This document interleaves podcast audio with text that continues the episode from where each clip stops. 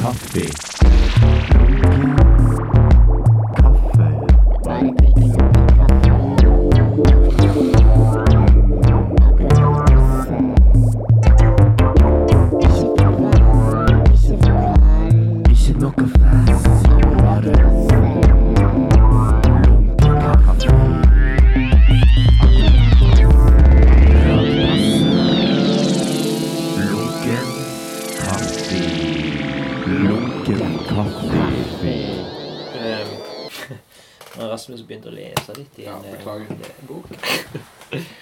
Hei, skal dere ha Underberger? Underberg.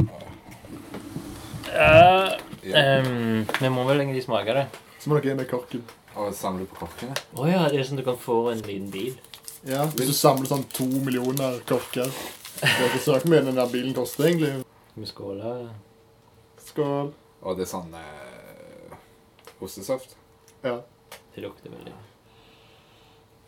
OK. Skål. Hvordan er det du gjør det? ja det er bare, jeg bare prøver å styrte meg, egentlig. Styrte du hele? Ja. Jeg vil du smake på. Det er jo helst en liten små tasting. Ja.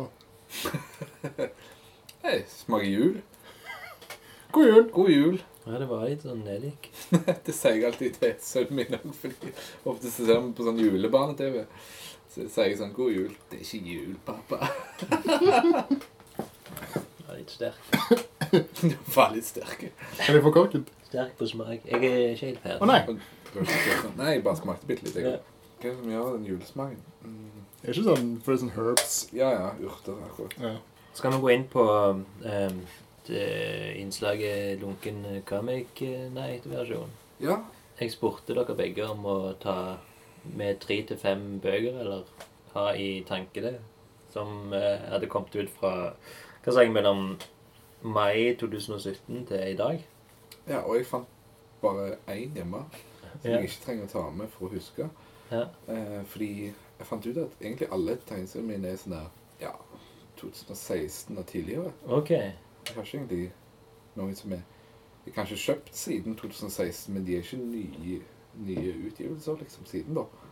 Og de som jeg tenker på som nye, sjekka i datoen, og de var òg eldre enn det, dette eller forrige år. Du kunne tatt dem med likevel. Ja, nei, men jeg følte jeg måtte følge reglene her. Ja. Ja, men det er grunnen til at jeg tok brukte den det, det her eh, kalenderdatoen. Mm. Det var jo av sist gang meg og Tim snakket sammen. Det var i mai oh, ja. eh, 2017. Så da tenkte jeg at Så liksom eh? Ja, hva har skjedd siden sist aktig i tegneserieverden? Siden jeg bare er én, da, så kan jeg bare si den med en gang. Det, jeg tror den har kommet ut Ja, det er, jo, det er jo på norsk, da. Mm. Innenfor det tidsrommet som du Ah, spesifiserte. ok, lurt. Og det er Fremtidens araber nummer tre. Mm. Uh, Riyad Satouf. Jeg vet ikke om jeg uttaler navnet hans riktig, men det er for. Fremtidens araber nummer Ja. tre. Den er bare sykt bra. Konge, Ja, cool. som de to første. Og ja, jeg liker det ve veldig godt. Har du lest noe annet av han før? Utenom én og to? Nei. Jeg regner ikke med du begynte på treen. Nei, jeg begynte ikke på treen. Jeg, eh, jeg har faktisk alle tre nå. Ok. Og det er ikke så ofte at jeg eier liksom en hel run av noe, holdt jeg på å si. Men dette er jo graphic novels, da. Det er jo ikke hefter eller noe sånt det. Så Nei, det er, det er vel som 200 sider cirka per. ja, så det handler jo om hans oppvekst i Syria og Frankrike og et tredje land som jeg ikke husker akkurat nå. siden Ja, men i, i, det er rundt Syria-grensene. Ja, det er ikke så langt. Ja. Langt ifra Syria. Det, Mm. det er lenger Jeg tror det er vest for Egypt. Det, jeg husker ikke. Ja, ja, ja. Men, eh, mest, men, eh, mest Syria og litt Frankrike. Ja, akkurat. Så han er Han er halvt fransk. Ja, han er halvt fransk, og så bare Det er utrolig interessant å møte den eh, syriske kulturen ja, på, på 80-tallet. Som det er 70-80-tallet. Så Men jeg, jeg har jo lest disse, og jeg liksom Det jeg tenker på hele tida, er liksom bare dialogene liksom, som er så bra og skarpe, men det kan jo umulig at han husker det som Ja, sånn fem-seksåring. ofte på. Liksom, hvordan, hvordan blir det og, og, og hva støtter han seg på? Men han har sagt at han husker såpass godt, liksom. Å ja, han, For noen, noen gjør jo det, liksom. Altså, Jo, jo. Iallfall tilnærma. Altså, det er jo ikke sånn ordrett. Ja, for jeg, det er jo på en ting Det, det som jeg òg tenker med, at det er jo Altså, humoren er så jævlig oppdatert, på en måte. At det liksom Det funker jo i 2010-tallet, liksom. Mm. Men uh, funker det i 2000, nei, 1980, liksom? Det, 1970? Jeg eh, føler det som sånn universelt, liksom. Altså, det har ikke så mye med det er jo plassering måten siden- siden det du skal jo, Det er jo meningen å ta det som sannhet, på en måte, det, det du leser. da, så Jo, sant. Nei, jeg, jeg, jeg er stor fan av uh, den uh, seriefølgingen jeg hva heter det? Altså den uh, De historie... bøkene, Ja. Mm. Og faktisk så det var det som inspirerte meg til å lage den her eh, til Bare snabel eh, nummer 24 nå. Den knallbrevlaget der. Mm. Og liksom Kult. måten det blir fortalt, liksom. Da så jeg faktisk litt til den fremtidens araber. Kult. Så veldig bra valg. Jeg skulle ønske jeg tenkte på det sjøl. Har du lest det? Nei, jeg har ikke det. Jeg har bare, jeg bare eh, sett gjennom den. eh, For du har vel hatt den med, ja. Og sett den i butikken og sånn òg. Og tenkt at jeg liker den visuelle stilen, og Mm. at det ser bra ut sånn. Men det har ikke blitt det ennå. ja, det er på en måte sånn Det er ikke sånn Hva skal jeg si Det er ikke sånn Persepolis akkurat. Bare det, det er sykt mye mer humor og Mm. liksom sånn der Skrudd opp det franske mye mer liksom til et sånn høyere nivå i, i dette her, da. Veldig sånn Veldig sånn karikert utseende og masse humor og Mm. bare sprøtt, liksom. Den franske tegneserietradisjonen, liksom. Ja. Ja. Fordi han, han bygger jo mye på det i det visuelle og alt sammen. Så det er så tøft og spennende at han liksom han tar sammen det sammen med dette i denne her fortellingen om kulturer som er ganske annerledes Mm. fra de franske, den franske kulturen. Da. Og det er jo mye av det som er interessant i, i de bøkene òg. Denne kontrasten liksom, som man opplever som barn òg, med å komme til Frankrike og så dra tilbake til Syria. Så helt Ja. sprøtt for han, liksom. Men òg i måten han protekterer faren som en sånn stolt eh, fyr. Så, eh, Faren er helt galen. Helt sinnssykt. galen, altså. Hva gjør han?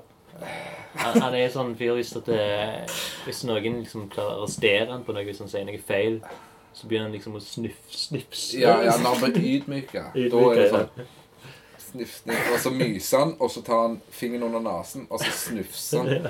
Det er en sånn gest som man alltid gjør. liksom sånn. Men jeg har et ganske bra eksempel på noe helt sprøtt, eh, og det tror jeg jeg tok på Night òg. Når, far- når liksom lille Riyad skal tegne en bil, og så viser han til faren sånn, hva syns du om denne? Og han er jo liksom sånn naturlig flink å tegne, da. Så sier han sånn Nei, nei, nei, sier faren. Det der er ikke en bil. Nå skal jeg vise hvordan du tegner en bil. Og så tegner en bil sånn veldig avlang og, og sånn der rektangulær. Og så tegner han hjulene som rektangler. ja, stemmer det. Og så sånn liksom skal du tegne. Dette er sånn en bil. Dette er en ekte Mercedes. For, for faren er liksom Mercedes det eneste merket som er bra. Og så tegner han som faren, bare liksom for å prøve det, så tegner han det som faren bare enda mer sånn superlange, tynne, rektangulære hjul. Og så sier faren sånn Ja, veldig bra. Akkurat sånn skal en Mercedes se ut. Yes. Liksom, og da er han liksom helt alvorlig. Det er ikke noe humor inni det. Så bare sånn, jeg, jeg skjønner ingenting. Når ble hjul rektangulære? Det det er liksom der det, tyskere liksom skal ha det så kalt sånn system på alt, og sånn, så du har firkanta hjul. Og, ja. Det, jeg skjønner ingenting. Han, det handler om liksom fremtidsaraber. Han han er progressiv, han er, han er moderne, han, er han har studert i Frankrike, men han er egentlig ganske sånn prega av hvor han er fra. Ja. Så det i konflikten og samtalene med, med mora til, til gutten, da, så, så viser liksom hvor Ja, at han er egentlig ganske sånn bakstreversk og ikke helt sånn eh, Han sier at han ikke er religiøs, men samtidig Jo, du må respektere Gud, og så Mm. Eller alle. Ja, akkurat. sånn Ikke man helt skjønner Eller har liksom bestemt seg Ja. om man skal være den kulturen eller den kulturen. Mm. eller Liksom, ja. OK, Tim, har du ja, du har en fin bok. Jeg ser du ja, jeg tok med tre bøker, egentlig. Eh, Når vi er på Comic Night og sånn, så er det jo alltid noen som har med seg græla mange bøker. Jeg har tenkt av og til sånn, jeg syns det burde være bare sånn én bok. Du tar med én Ja, bok og snakker sånn, ja. bra om den. Ja.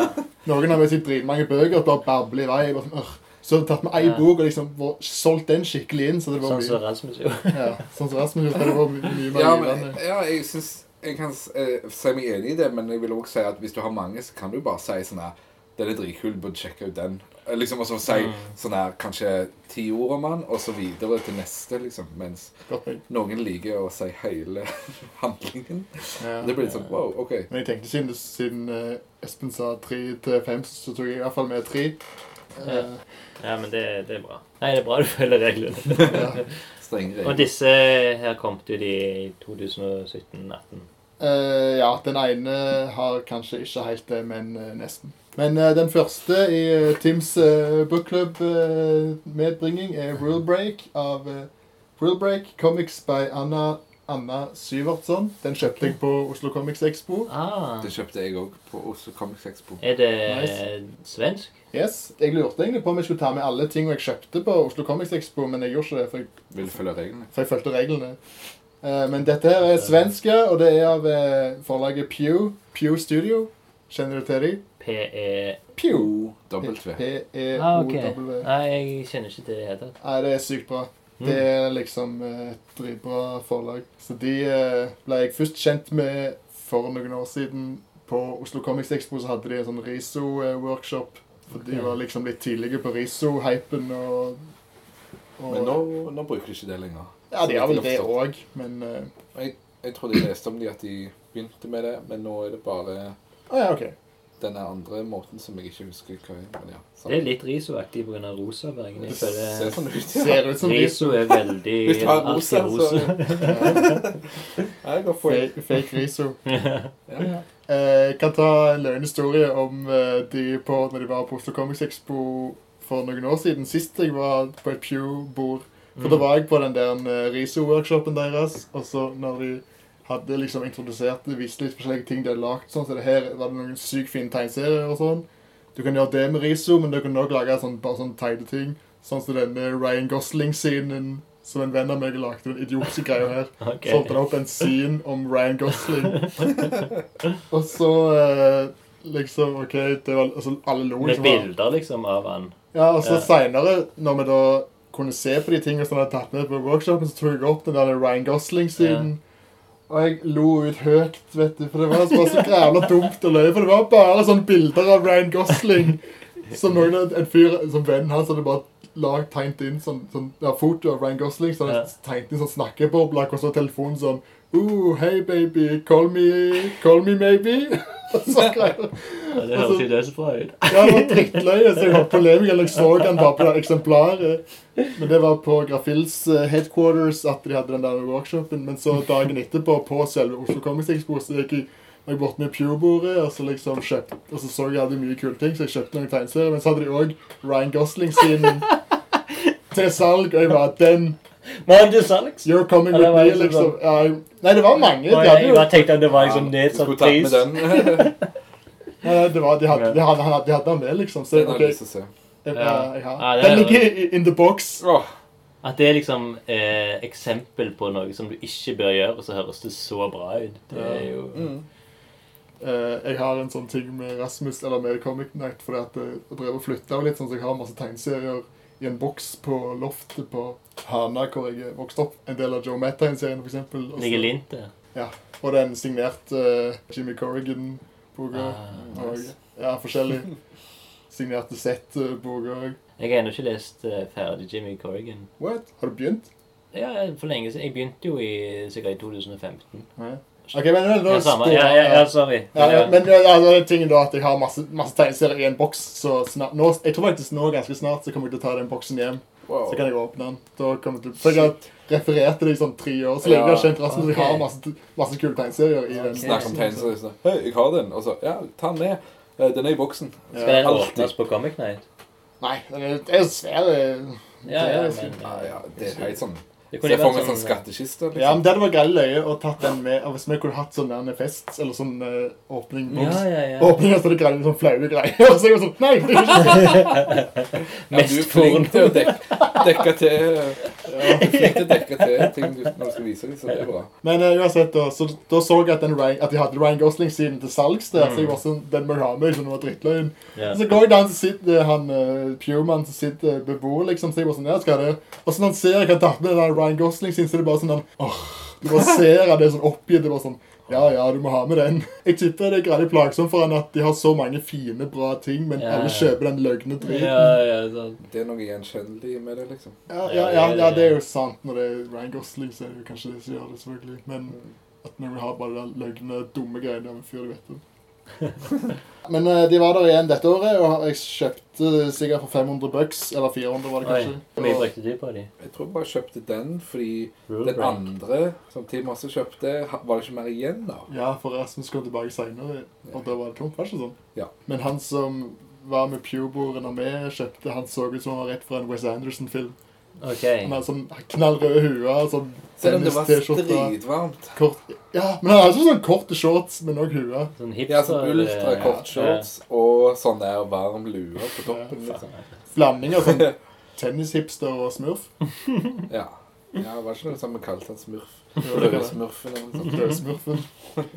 Og det som er litt kult med både Anna Syvertsen og eh, ei som heter Hanna K. Nystrøm, som òg har gitt ut ting på Pew, er at eh, de har eh, seinere fått jobb på Adventure Time.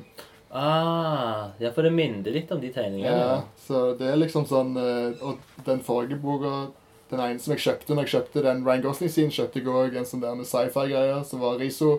Veldig fint tegna, veldig fint hele greia. Og så på en måte tenkte jeg ikke så mye mer på det, men så seinere så, så begynte jeg å følge ei på eh, Tumblr og Instagram og sånn, som var sånn Adventure Time-person. Og så så jeg seinere at Pew posta hennes ting, og så connecta jeg. Det var sånn Hei, det er jo hun svenska. jo At hun liksom etterpå har fått eh, jobb på Adventure Time. Det er litt kult. Og sånn har jo samme fått det. Så han Pew-fyren sa jo det, at eh, de liksom hadde tenkt å publisere mer ting med folk, men så får de jobb på Adventure Time og får ikke tid til å lage minicomics uh, lenger. eh. Hva handler Eller hva går det ut på Rule Break, da, av Anna Syvertsen? Ja, denne Rule Break er egentlig bare veldig sånn søt og veldig morsom. Uh, egentlig bare sånn der en type sketsjbook-comics, diary comics, sjølbiografiske greier. Mm, det er jo alltid gøy.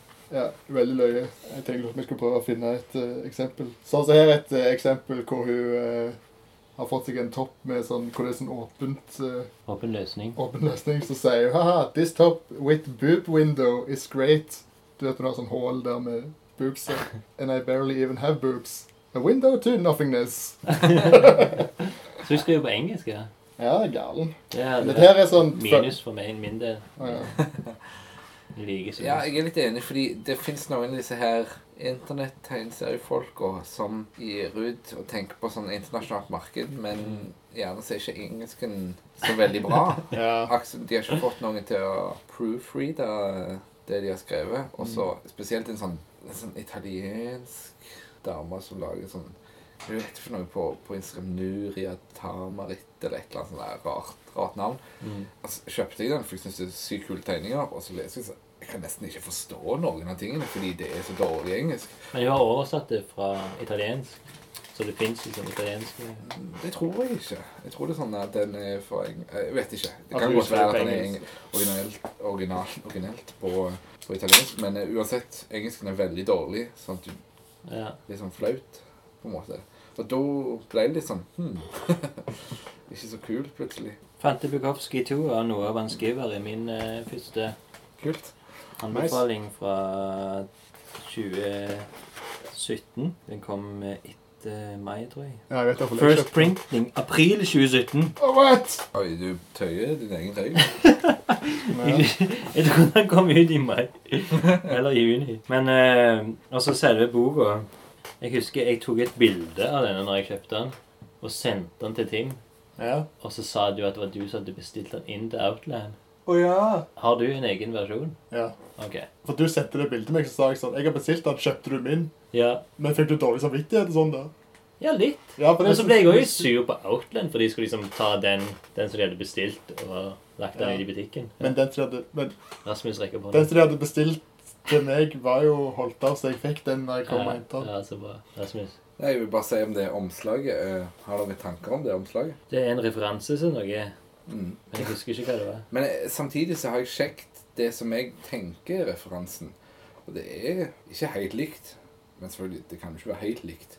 Men det er bøker han eh, John Fante Ja. som har den type eh, grafisk design med sånn her og et litt sånn fargefelt Ja. der og litt der. og Litt sånn stilig cover. Og spesielt én utgave som jeg kjøpte i Tyskland, liksom, eh, på, på engelsk, da. Ja, Men i Tyskland um, Mm.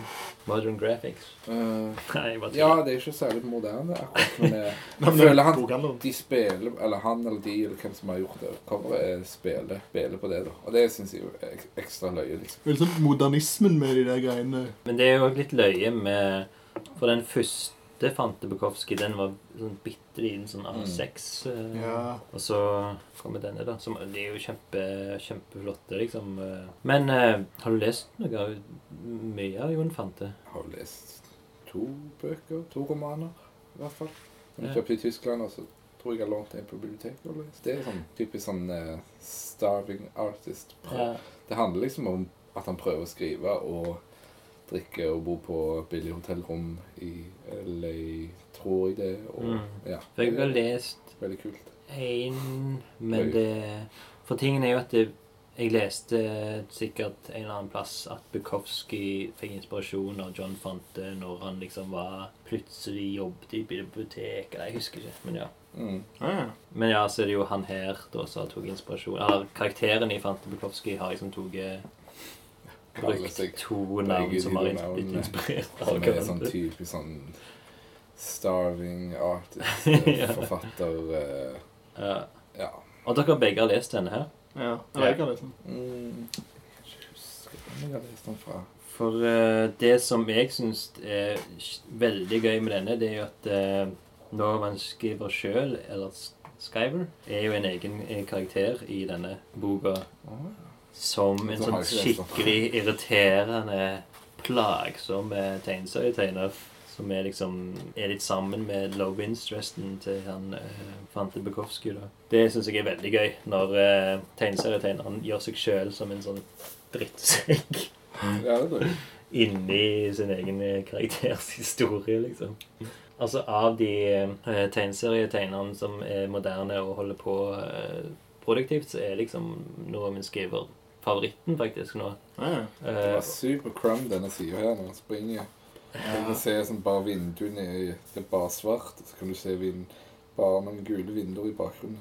Og de sånn her Fritz the Cat-aktig. Har han ikke sånn Keep on Trucking-greie òg i den boka en plass? jo, jo, jo. Ja, du, det, ser, du ser jo hvem man liker. det er jo ingen tvil. Han har vel Men det som jeg liker, der har vi Keep on Trucking igjen. Ja. Og til og med skraveringen òg. Denne oppover-skraveringen, eller eh, vertikal skravering. På den der med Inksteds-podkasten med Noah Vanscover og eh, Seth. Ja. Så det var et punkt der hvor de bare begynte å hylle Crumb eh, en liten stund. Obligatorisk. Ja, ja, ja. Men det, det som òg eh, han gjør, da, som jeg er kjempeinspirert av, er jo den måten han fargelegger. Mm. For det er liksom så skittent av og til. Og liksom den der Men det er digitalt. Ja, for han gjør det litt digitalt og litt eh, dialogt. Analogt. Ja, nei. Dialog. Det er veldig kult. Kult nytt ord. Det er sånn han skriver dialogen. Men sånn som de her tinga, så er det her bare plutselig farger over. Mm. Og det er liksom Det er sånn layer i Photoshop, ja. Ja, det er det sikkert. Jeg vet ikke vi har snakket om dette før, men jeg vet Vi har snakket om det analogt, tror jeg.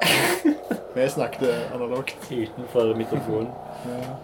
Eh, men ja, så uh, Jeg er jo Det er jo den Instagram-kontoen jeg syns er mest kjekke, liksom.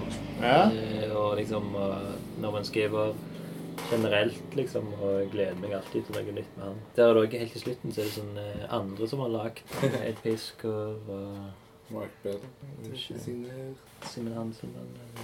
eh, Er det han der? Det er Det, vanskelig. det var Box Brown. Box jeg sa. Brown, ja. BB. Anja Davidson. Ja, så det er Davidson, Simen Hansen, men Box Brown Nei, jeg tok feil. Det var ikke Josh Bayer. Josh Mark. Alle hørte om. Jeg tror han også er en sånn der Kramer's Surgot-fyr. Mm. Ah. Han bor i Kramer Surgot.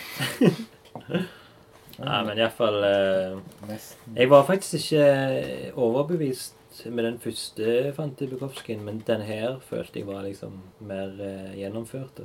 Ja, Ja, ja. Jeg synes løy med disse fargene. Det er akkurat som Jeg skjønner hva du mener, at, at, at du liker de og sånn, men akkurat som de er For å etterligne eh, vannfarger, så er de på en måte litt for Du kan ikke si saturert på norsk, men du kan skjønne hva jeg mener.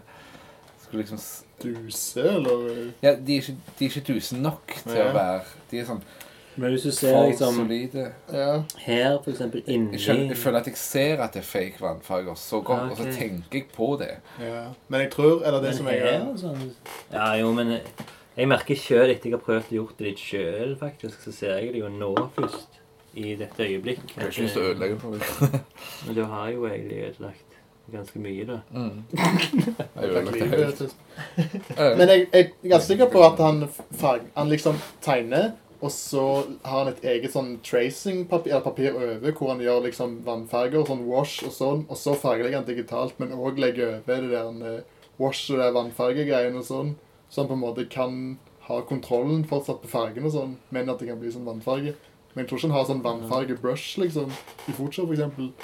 Ja, Ja, han er jo den, kanskje den mest produktive tegneserietegneren i verden. Da. Så hvor, hvor, eh, hvordan han får til å liksom bare lage så sykt mye på så kort tid, jo Da må det jo være digitalt. Eller jeg, føler, eller jeg syns det var vanskeligere å lage digitalt fargelegge enn vanlig, faktisk. Ja, Det er jo bare rutine, da.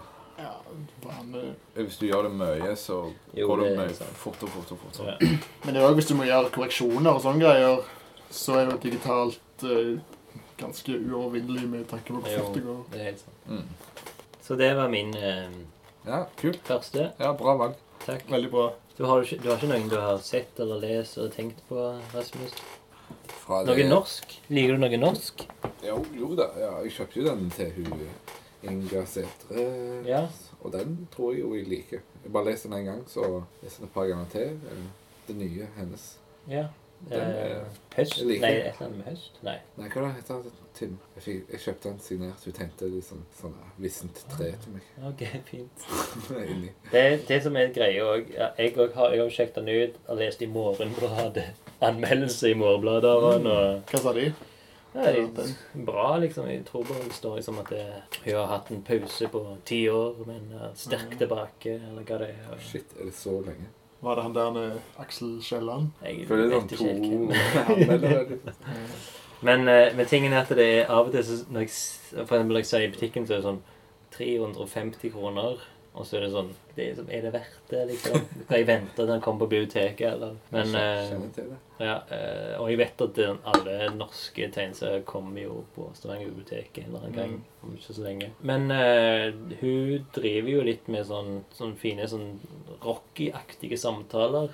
Eh, moderne eh, samtaler oh, ja, ja. i sånn kaffesetting. Er ikke noe sånn Jo, er ikke bare at det kan være sånn ei side med sånn Ja, jeg tror den er at det er på en måte sånn to slags hovedkarakterer, Mm. men det er basert liksom, Hun tar det fra sitt liv, men hun fiksjonaliserer det i tillegg. på en måte. Så Ja. det er ikke helt sånn at dette er meg og dette er den personen, men det er mer sånn noen som snakker om noe, og det virker som når de snakket sammen, eller de hadde en samtale på Oslo Comics Expo, så var det sånn der typisk sånn der Ja, hvis vil ikke akkurat- si at 'dette er meg, dette står jeg innenfor', 'det er Knausgård som jeg snakker drit om der'. på en måte. Hun kan liksom ikke si det offentlige, på en måte. Men alle skjønner jo Hun er fake. Alle skjønner at du er feig. Nei, ja. Nei, det er vel bare at det er jo ikke vits å navngi det når du skjønner sånn. det så godt ut fra Ja, sånn, på en ja. måte. ja. Men eh, så ser jeg du har One More Year der. Yes, eh, jeg måtte ta med den. Kongen av vannfarger. Kongen av vannfarger. Som jeg òg har. Howard! Forent endelig. Ikke, fistbump, fist bump, men book bump. Ja, det er enda bedre ord. Jeg bare, jeg bare ser det. Ja, du bare åpner den, jeg bare åh. Det der tittel eh, Første End papers. Eller? Ja, første End Papers. God damn. Jeg husker du ga, du ga en sånn god beskrivelse på Comic en gang. Så da, «Ja, det, det ser egentlig litt sånn enkelt ut først, men så, så ser du litt mer, og så han er egentlig jævlig, jævlig flink. Det er sant, det. Ja, ja. Fordi det er liksom ah, Han bruker sånn her uh, felttippe uh, eh, type penn og så tegner sånn. Det ser veldig sånn basic ut, men ja. Han er veldig flink. ja. Men uh, fortell hvorfor du valgte den her, da, Tim Levang. Team Levang. Jeg valgte uh, Simon Hanselman One More Year. eh, den tredje sånn hardcover-boka han har gitt ut. Og eh, Han er jo veldig produktiv. ja, Ja. som jeg eh, kanskje sa sist gang jeg elsket han da, elsket han ennå. Når denne boka kom ut, ble jeg først litt skuffa for en del av disse historiene inni her. Har jeg tidligere, siden jeg på, Mm. har på en måte prøvd å få tak i alt eh, som jeg kan Siner av han, og så har jeg lest noe av det fra før av, og det var litt sånn nå, fikk, Ja. Det, er det som er litt dumt med det, er at eh, ofte kan du bruke opp litt ting hvis du ja. Det er- litt for obsessive. Ja, for det er liksom skrevet det, altså, det har vært i publisert i Siner og i den der Nebrais. ja, ja. Mm. Men det var faktisk, jeg har de faktisk eh, i den som heter Er det Life Zone han het? En sånn som kom ut hvor den der ene One More Year-historien liksom, Eller to historiene her faktisk var med. Som var en sykt fin sånn mindre Simon Hansen-bok. da Som dere kan se den her hjemme. Ikke i boksen. Wow. Utenfor boksen. Ja.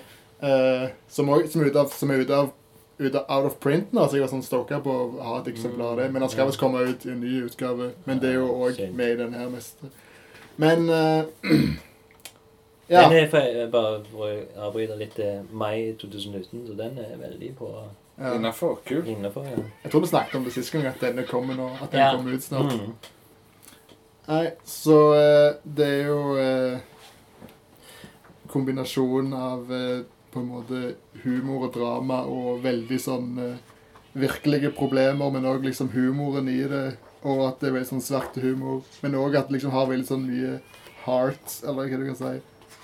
Det som er også litt løye For hvis, hvis dere eh, lyttere da vil høre eh, hvordan vi har snakket om Hanselmann før, så kan dere gå tilbake i et år og, og finne den med Tim Levang. Og da nevner du at oh, ja. den her er ulven Jeg husker ikke, faktisk ikke hva Werewolf Jones. Ja, Werewolf Jones. At han blir liksom, når han er i fengsel, så blir han om til en, eh, et menneske. For tingen er at han er en Og det avslutter denne boka med. What? Ja, og det var jo òg egentlig i en annen bok. Så det var en sånn bok. ekstrem eh, spoiler, egentlig. Å ja. Sorry. Det var Det var òg Det er hele punchlinen. Jeg tenkte du på den? Det var jævlig bra tenkt. Ja, wow. Men det er jo en karakter i, dette, i denne bokhistorien som er en varulv, men han blir liksom Han blir til varulv når han er, når han er drunk eller on drugs, men han er Mm. alltid drunk Mm. eller on drugs, og derfor er han alltid en varulv. Unntatt når han- når han havner på glattcella ja, og blir edru, liksom, så våkner han opp med et menneske. Men Og det er også avslutter denne boka som vi snakket om i, i fjor. Ja. Og det ja, når han våkner, så det siste ruta er I need a fucking drink. Men det er jo òg faktisk ganske på en måte realistisk av en del folk som eh, er sånn. Mm. Og det her er 100 eh, selvbiografisk. Nei, jeg tror ikke det, men Nei, det eh, er ikke det. mye av det er det. Men han har jo fortalt nå at nå skal han liksom gå inn på mora sitt uh, heroinproblem eller noe sånt til neste bok. Oi. Ja. Og- At uh, den første, som var Ja. Megaheks det, Som avslutta med at de flytta ut av en ugle fra Uglemann. Ja. Var ikke han ugla som flytta ut? Om, omvendt. Ja, nei, ja, det er lenge siden jeg har lest den. eh, Den lånte jeg av deg, den Megaheksen. Oh, ja. Men uh, at den, nå den nummer fire-boka, den skal liksom egentlig ta og fortsette fra den første boka. Så mm. hele liksom eh, kronologien er liksom litt fucka. Og, hva syns man om det? Nei, jeg syns det er lov. Det er jo litt kult da han går litt sånn, hopper litt sånn fram og tilbake med de forskjellige bøkene. Ja. Men jeg vet ikke om jeg, jeg har sagt det før, eller om dere vet det, men han har jo lagd tegneserien om når uh, Werewolf Jones dør. Mm. Så det er liksom han kommer Er ikke den med i den der eh, Comic Book Day? eh, er det når det går til gravstykker? Støtter? Å ja. ja, det kan være. Den her med Comic Book Day Free fra Comic Book Day fra World's Greatest uh, Cartoonists. Ja. Fantagraphics sin sånn Free Comic Book Mm. Day-utgivelse. Ja. Ja, ja, det stemmer vel gjerne det. Eller Så det er en spoiler hvis dere har vært på Free Comic Book Day. Ja. Men Nei, eh, det er mye som er frem og tilbake med. Men det er alltid like underholdende og like kjekt. Og det er liksom den eneste tegneserien som jeg liksom har eh, Iallfall i nyere tid liksom bare ikke klarer å stoppe. Ikke klarer å legge fra meg. For det er liksom Selv om det ikke er spennende, som jeg sa sist, så er det så Må jeg bare bla videre, liksom. For det ja. Ja, det er kult. Og jeg elsker denne historien som jeg ikke hadde lest før, om når de går i uh, sånn badepark. At han Werewolf Jones igjen har uh, Han har fått seg en sånn der han eh, greier litt sånn speedo eller sånn tanga. Og så spør han om de vil være på, vil være på, Rush, vil være med på Russian roulette. For de har kjøpt masse Å, ja, piller ja. som de ikke vet hva er. Mystery painkillers. Han vet ikke hva det er. liksom Bare ta noen og se hva som skjer. Og så er det ingen andre som vil ha det, så han tar alle sjøl. Så får han en grælig boner etterpå. Så, som han går rundt med hele tida. Det, det er oversprøtt, liksom. Det er ganske fucked up, hele greiene, men Men akkurat det høres jo helt sånn rart ut. Mens det er så mye annet som skjer videre i den historien, og at han bare aldri slutter og forskjellige ting. boner, og det blir bare mer og mer disgusting. og- Ja. Jeg så det der flashback-greiene til når de var på uh, ungdomsskolen eller noe, Ja, som ja, er veldig sånn rørende, for det er sånn, veldig sånn der eh, mobbing og den type Mm. ting, liksom. Og Evers Jones har alltid vært en super drittsekk, så de av en eller annen grunn har alltid hengt med Ja. og var sammen med hun eh, heksa. Men det er sånn typisk sånn dusj, men det er jo litt sånn òg Anders, sånn Det er dessverre liksom kanskje den fyr som er i gjengen, så gjerne er litt sånn lederen eh, tidlig, og så liksom ja, taperen. blir, ta ja, blir taperen. Nei, fantastisk eh, serieskaper og eh, bok. Mm. Han gjør også en veldig løgn ting. eh, Han lager en fin liten sånn der Nesten sånn godtepose eller sånn der leketøysinnpakning, som man kaller Artist Trash. Ja. Oh, ja. Der han tar alt sånn han har, Når han har viska, han bruker sånn svart visk. Så okay. er sånne svarte viskerester, eller hva du vil kalle det. ja. Putter det oppi sånn plastikpose, og så eh, bare sånn alt, alt som er på en måte sånn eh, Alt slagget eh, på en måte til, til, til liksom tegneserieproduksjonen hans. Ok, Har han oppi der, og så stifter han det fint med en sånn der ah, nice sånn pappinnpakning på toppen og sånn fine plastikkinnpakning. så ser de proft ut. Ja. Og så selger han det, og så kjøper folk det. Det sykt kult. han Det er liksom Det er det han har brukt på ekte når han har lagd disse sidene. liksom. mm. Det er nesten som å kjøpe originalen. bare. Det er bare det biproduktet til Ja, originaltegningene. ja. Det er en kul, Det er veldig kul idé. Veldig Både løye og smart og Mm. ja. Innovativt. Ja, det er jo helt konge at han liksom gir ut feite bøker på Fantagraphics nå, men òg lager liksom scenes som Ja. han selger sjøl via sånn big kartellgreier. Mm. Som jeg kjøpte en del av, men så de kommer jo så gralla ofte at det etter hvert så blir det sånn eh, Det er for dyrt. Er Nei, det var ikke så dyrt heller. Det koster okay. bare sånn 50-100 Ja, kroner, liksom. hele tiden, men... Ja, ja, ja. Men så blir det 200 i frakt. Men det blir jo Det plusser jo opp for han, liksom. Så det er sikkert en kjempegod idé. ja. Hvis han, Siden han tegner så sinnssykt mye. Men det er jo litt løye Han, han selger jo veldig bra når han går på sånne Expo-lignende greier. ja. Så er det så mange sånne tegninger med han forrige som vi snakket om, No One Giver, som faktisk ofte får bord ved siden av han, og du ser liksom at han bare sitter der og venter mens Hanselmann bare selger som faen. Ja, liksom. jeg så sånne live-greier på Instagram og sånn. De var på diverse ting i USA. Så det var sykt løy. Mm.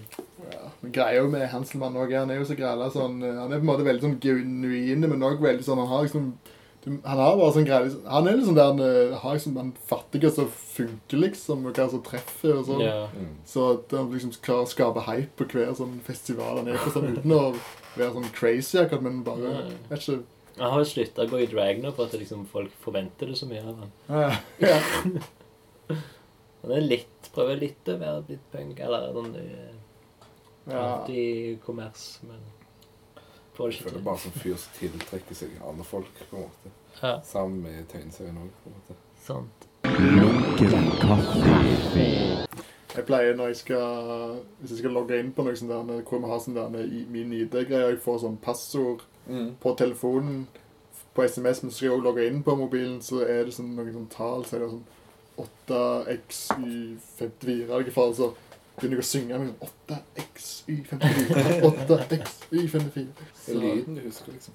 Jeg ble jo eh, veldig opptatt av liksom det med hukommelse og sånn eh, når jeg begynte å lage tegneserier skikkelig. Ja, siden det er selvbiografisk. Ja, egentlig. Og Huske ting som har skjedd. ja, så jeg leste en sånn bok som heter eh, 'Moonwalking with Einstein'. Som er liksom, handler om en person da som fikk eh, brukt et år på å få liksom mer hukommelse. Ok. mm. Og da lærer han liksom alle de teknikkene som du skal ha for å få bedre hukommelse, og det er liksom sånn at du skal alltid assosiere ord som du lærer deg med noe annet som du kjenner Mm. bedre til. Og når du skal, hvis du skal på butikken og handle, så lager du handlelister, og mens du lager på en måte en sånn memory castle, liksom hvor er osten i huset? Hvor er melken i huset? Og ja. Jeg har hørt om det at du skal liksom tenke på en sti du har gått mye, liksom, så du kan Ja. utenat, Mm. og så skal du putte den tingen der på stien, og bla, bla. Mm. Men eh, sånn som dere, da, når dere eh, Er dere gode sånn generelt i, med hukommelse? Jeg er forferdelig. Tenker av og til at det er Dette er for gale. Ops, Mm. altså, hva skjer, liksom? Men eh, jeg skriver ned ting, så jeg tror jeg er blitt litt for avhengig av å skrive ned ting på mobilen. Og de sier jo at du utplasserer deler av hjernen din til telefonen din Mm. Ja. og teknologi. Fordi Ja, ja, ja. du er så vant med å bruke det, så det er bare sånn trenger ikke hukommelse når du har sånn. Google eller Wikipedia. Mm. og bla, så du bare sånn putter det ut der. Og så Det er ikke lærer noe nytt. i hvert det fall. opp. Ja. Ja, det er jo sånn, hus- sånn Husker du da jeg var mindre? Liksom, jeg var kunne, kunne liksom? jo alle telefonnumrene til vennene mine. Liksom, kan jo. Kan liksom fortsatt de gamle telefonnumrene fra da jeg var liten. Hva bestevennen min sitt nummer da jeg var åtte var. Men Men jeg har merket når jeg er med deg, Tim, så tar du av og til bilder i hvert fall, for å huske det. ja, ja. Hva skjer med de bildene? Det har skjedd et par ganger med liksom, at du har vært i en samtale, så når løy blir sagt så, ah, Vent litt, så tar du bilde. Å ja. ja. Da tror jeg jeg må skuffe deg litt. Men jeg bare, jeg bare liker å ta bilder av good times. Så spør folk meg gjerne sånn Hei, hva skal du med disse bildene? Skal, du poste det? Jeg bare, Nei, bare ta bilder, liksom. Det var en del år at jeg lagde liksom et fotoalbum med liksom framkalte bilder. Lagde fotoalbum for et helt år. Jeg har det sånn tre år eller noe. Ok. Jeg har ikke gjort det for de siste årene, men det er jo det, det er også en sånn plan at jeg skal gjøre det mer.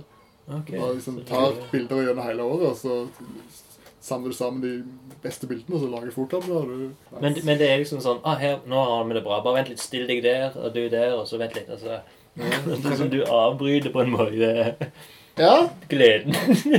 ja, det beklager jeg jo, at jeg avbryter gleden. Og at det blir sånn rart for deg å ta et bilde. I hvert fall av og til når folk gjerne ikke kjenner så godt. men ble... Sånn som når vi var på ja, Oslo Comics Expo, Ja. så han eh, Michael Hacker som snakket om eh, meg og, Vi sto og snakket med han, og begynte å snakke om tusjer og sånne greier. og så spurte Rasmus liksom hva han brukte. og sånn, så ja, Jeg bruker mye sånn brushpen, og så bruker jeg også denne her. Og så viste han opp den, så sånn Wow, det er et greit bra moment. liksom, Jeg må ta bilde av det. Så tok jeg bilde av Mm. han da han viste den tingen.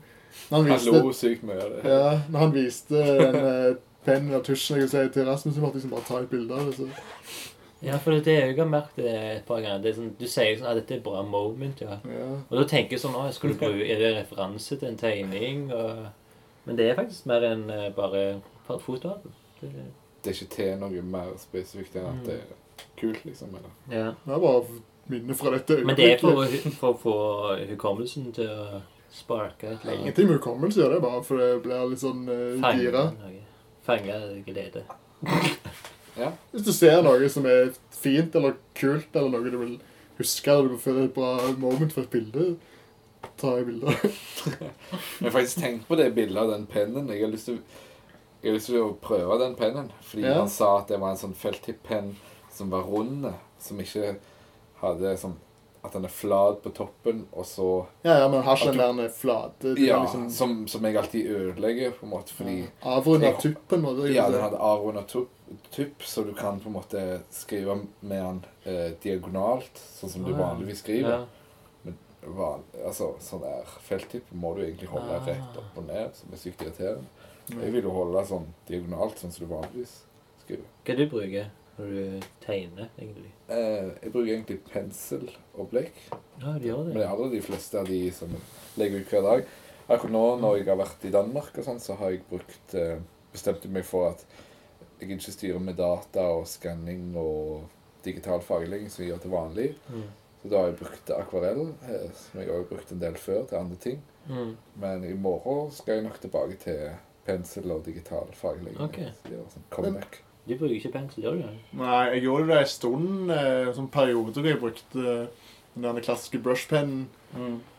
Men så tror jeg det var bare liksom merka bare sånn der eh, at det følelsen ble, så, ble så mye verre, eller så mye forskjell Eller liksom bedre. Jeg syns det er bedre, egentlig, selv om det kanskje er mindre sånn line variation og sånn. Jeg bare bruker sånn vanlig micron fineliner-greier. Men at det bare liksom, da er det på en måte lettere og fortere. Så jeg bare har gjort det en god stund nå. Mm. Men etter vi hadde vært på Oslo Comics Expo, da jeg snakket med han, så lagde jeg en illustrasjon på den ene jobben hvor jeg brukte brushpennen. Så var det sånn Å, faen, jeg burde gjøre dette mer. Men okay. eh, så jeg har ikke gjort det mer siden. Ja, men det er jo forskjell på brush pen. Det er jo blekket inni. For, Ja. for nerdene. Ja, ja.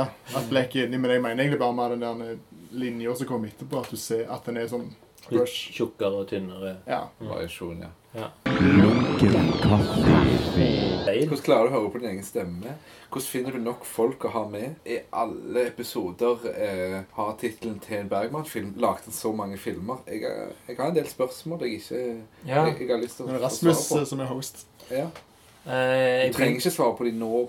jeg svarer på Bergman-spørsmålet. Jeg liker, Og- eh, og vi går inn på- Jeg liker det godt sjøl.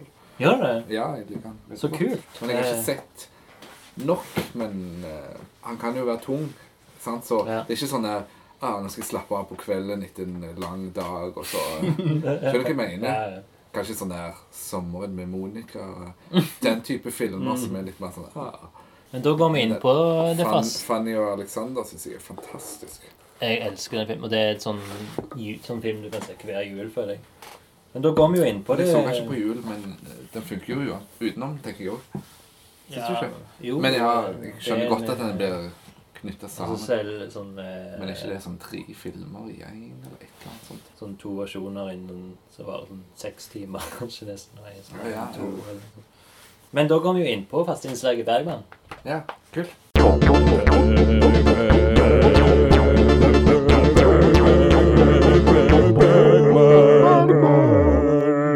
Så spør jeg vel egentlig deg, Rasmus, hva forhold du har til han. Og du, du nevnte jo nettopp det at du har sett litt uh, av han. Og Jeg har sett litt, men ikke alt, og jeg, jeg vil jo egentlig se alt. Jeg har ikke sett den Å, eh, er sant?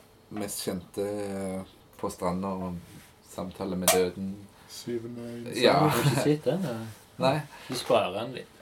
Ja, jeg, eh, ja, det er nettopp det. Jeg vil på en måte være klar, eller hva jeg skal si. Men selvfølgelig, du kan jo se de flere ganger. Og, sånt, men jeg, jeg vil, jeg vil varme opp den, hvis du skjønner hva jeg mener. Men når skjer det? Til disse titlene? Ja, så det som vi må velge mellom, da, det er Spøksonaten, Bekjenterne, Karins ansikte, The Serpent's Egg, Misantropen, Riten, Tystnaden, Et drømspill, Djevelens øye, Jungfrukallen, Uveder, Rabies, Troløse, Den gode vilje eller Reservatet. Eh, en stemme for bekjentene. Ja. Ja, bra valg. Jeg òg tenkte faktisk på den før, eh, før vi begynte å ta opp samtalen. Siden vi er liksom bekjente. da. Ja. Altså, Dere har jo hatt en lunken bekjentskap, men meg og Rasmus har ikke hatt en lunken bekjentskap. Ja, jeg trodde dere skulle ha det når du begynte å introdusere det, men Nei, jeg har spart den til Hilde er, Bergman. jeg er veldig lunken når det kommer til Tim. Så nå kan jeg bli lunken når det kommer til deg. Hei sann! Hvem er du? En ny venn. Vær hilset, min nye venn. Hvordan kjenner vi to hverandre? Så trivelig med nye bekjentskaper. Gøy.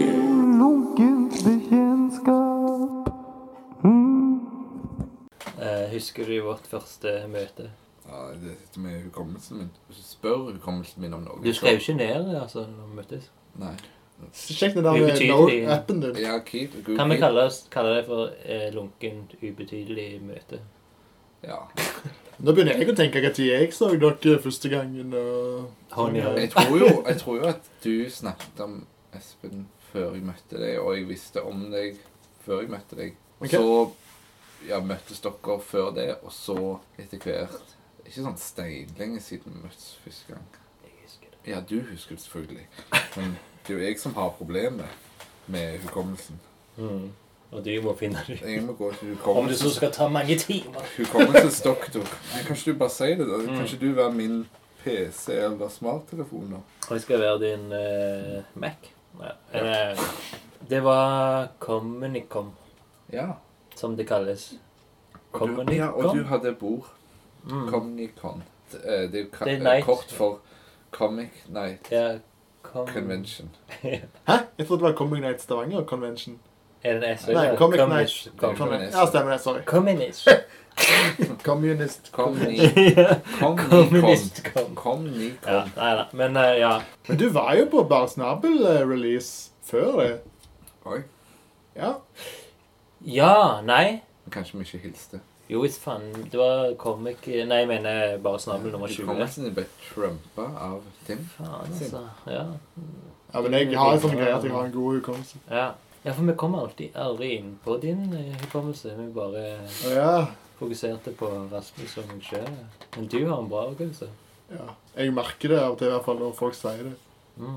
Ja, likevel er det vi som gjør mer selvbiografisk, holdt jeg på å si. Ja. Du gjør jo det, du òg, for så vidt. Ja, men jeg liker egentlig Jeg bare egentlig bare tar i utgangspunkt i noe som har skjedd og sånn. og Men du kunne gjort det jævlig nøyaktig, for å si Ja. det på den måten. Ja, Jeg kan ta, jeg kan ta med mer denne Munch-approachen. Ja. Det er ikke det som nøyaktig skjedde, men det er sånn det føltes for meg. Liksom. Jeg tegner ikke som skjedde, men det jeg så. Ja. Er det ikke sånn han sier det? Jo, jeg prøvde å ikke si det direkte sitatet, og så husker jeg det feil. Sånn som du gjorde nå, men det er jo et eksempel på dårlig hukommelse. Ja, sorry da. Tøys. ja, men eh, Tim har helt rett. Altså, sånn som jeg husker det, da, med bare snabel release nummer 20 det, det kan være at jeg blander deg med noen andre, men at du får, å se eh, eh, eh, magasinet, og så blar du i det, rett til sin ting, leser litt sin ting, og så legger du det fra deg. Det kan godt være. Ja. Takk. Og så, og så var det veldig sånn Jeg, jeg tror det var da første gang jeg møtte deg og hun Maja, Ah, ja, Maja, ja. som òg var liksom sånn eh, Som snakket om at de, dere var liksom comic eh, night-folk og sånn som det. Jeg er bare her for å representere Tim, og så Ja, ja. ja, Det, bla litt hans. Ok, Hun er greit. interessert i Tim sine ting. Og, og, Ja, jeg beklager, vi var trangsynte. Siden har lyset gått opp for meg. Og nå har du jo joina. Ja, ikke sant? Men det det er jo ganske umulig å stå og lese. Altså, til og med vår egen Baresnabel-magasin. Jeg klarte ikke å lese på åpningen. Så jeg jo for første gang noe av de greiene. Det er sånn jeg snakket med Eivind om det. Hvem er Eivind? Eh, Måland. Altså, Ja, ja altså, han, han, han også det skal jeg klippe vekk. Det kan være Eivind Egil. refererte til ja. Ja. Men uansett, Eivind, sa, Eivind Måland sa at eh, jeg- jeg klarer ikke å lese det nå, her, jeg må lese det Mm, hjemme. ja. Og det var akkurat tilfellet med meg òg. Liksom. Mm. Du står der, du ser noen ord, men liksom alt som skjer rundt deg Mm. Løy derfor føles litt liksom sånn uhel uhøflig som bare blar fort gjennom det, men du kan jo ikke så lese hele greia når du er blant folk. Eller ja. noen kan Som regel kanskje. har du sånn slagordaktig uh, Pitch. Nei, ikke pitch, men, men replikker. sant? Altså, du har ikke akkurat sånn rocky eh, eh, typ mengde på snakkeboblene dine, liksom. sant? Mm. Så du kan lese dine som er veldig sånn Mm. Mine, eller? Ja, dine. Ja, mine. Så kanskje Og liksom Hvis det var en jeg kunne lest, og til og med var ikke din Nei, den var ikke ordløs. Sorry. Nei, men sist gang var det. eller- Ja, sant. Ja. Så kanskje det òg, liksom. Sånn at det, Men eh, du, in- du inkluderte jo meg i den historien. Den Nummer 20. eh, Ja. Så da leste du på en måte Å ja. ja. Indirekte deg òg. Da kjente jeg deg jo ikke så godt, så da var det nesten litt rart. Men jeg gjorde det likevel. Jeg bare fant på noe òg. Ja, ja, Hvordan er det lov, da? Finne finner på ting med folk du kjenner. Ja, det, det var jo tingen at du hadde liksom Kan pynte på ting. Du portretterte Finne meg på totalt. Mm. De portretterte meg som en fyr som ga deg alkohol. Ja. Som òg var sånn Hva er dette? Nei, bare drikk det. Altså, så var sånn, sånn en lokkemann eh, Som kanskje ikke helt trives meg, men da tenkte jeg sånn Ja, ja han har liksom uh, funnet at jeg er en fyr som drikker mye alkohol. Men du drikk, drikker du noe sånn annet enn øl, egentlig? Og vin og minglevann? Nei, det, jeg drikker ikke det der en burberger heller engang. Underberg. Du har jo drukket det i dag, eller? Det var bare halv flaske, for jeg likte det ikke. Det kom i twisten. Episodens twist. Plot twist. Ja, jeg, jeg har fått et par sånne her eh, etter deg òg. Men det er jo slagord er jo 'after a good meal', så hvis du spiser middag og drikker en sånn etterpå, det er nice. Da vil jeg påstå at det har noe med inntak av kjøtt òg, fordi det er så tungt i magen. Så du Ja. trenger noe for å løse opp. Er du vegetarianer? Ja, jeg spiser ikke kjøtt. Å ja, fader.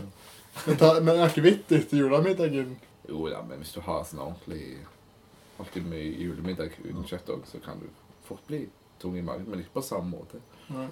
Jeg har faktisk også bare spist sånn knekkebrød med ost på en dag. På julaften? Nei, altså i dag. Og i Altså, dag, det er ja. derfor Jeg jeg det. ja, ja, men det var liksom når jeg prøvde å selge inn Underberg til deg, så er det ja, men etter middagen, liksom. Ja. eh, Da, Jeg skal ta litt til da. For... ok. Men spis middag først. Veldig ugunstig, den der tuten òg. Det, Ja, jeg, liksom. jeg skjønner ikke. Men du, Ja, jeg du åpner bare munnen. Sånn. Jeg bare tømmer ned på deg. det var den reaksjonen der jeg ville ha tidligere på første slurken. Men så gjorde du det Jeg kom ikke. ikke på første slurken.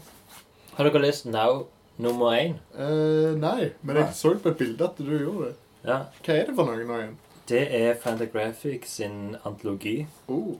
Nyeste. Kom ut i september 2017. Åh, så nå er vi tilbake til Innenfor. Er det glossy? Nei.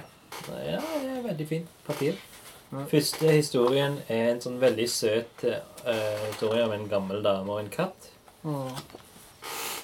som går over veien, inn i skogen og litt ut i Så har du sånn der morbid twist, er det det? som Nei, er- det er ferdig der. Ah, Noe som jeg bare så på som en sånn fantastisk åpning på en antologi. ja, men det syns jeg var bra, for hvis det var Mm. twist, så hadde det vært litt kjedelig. Nei, det er liksom kjempekoselige Det er litt eneste snakket rrr fra katten. Hva er siste ruta, kan jeg se? Katten sitter på en stein og speiler seg, og hun sitter og drikker for koppen sin. Ja. Men hvordan da det ble solgt inn, eller hvis hun ble invitert til å være med i antologien og leverte det, så er det vel greit. Men liksom hvis du skal på en måte selge inn det der, så nei, det er en gammel dame som går.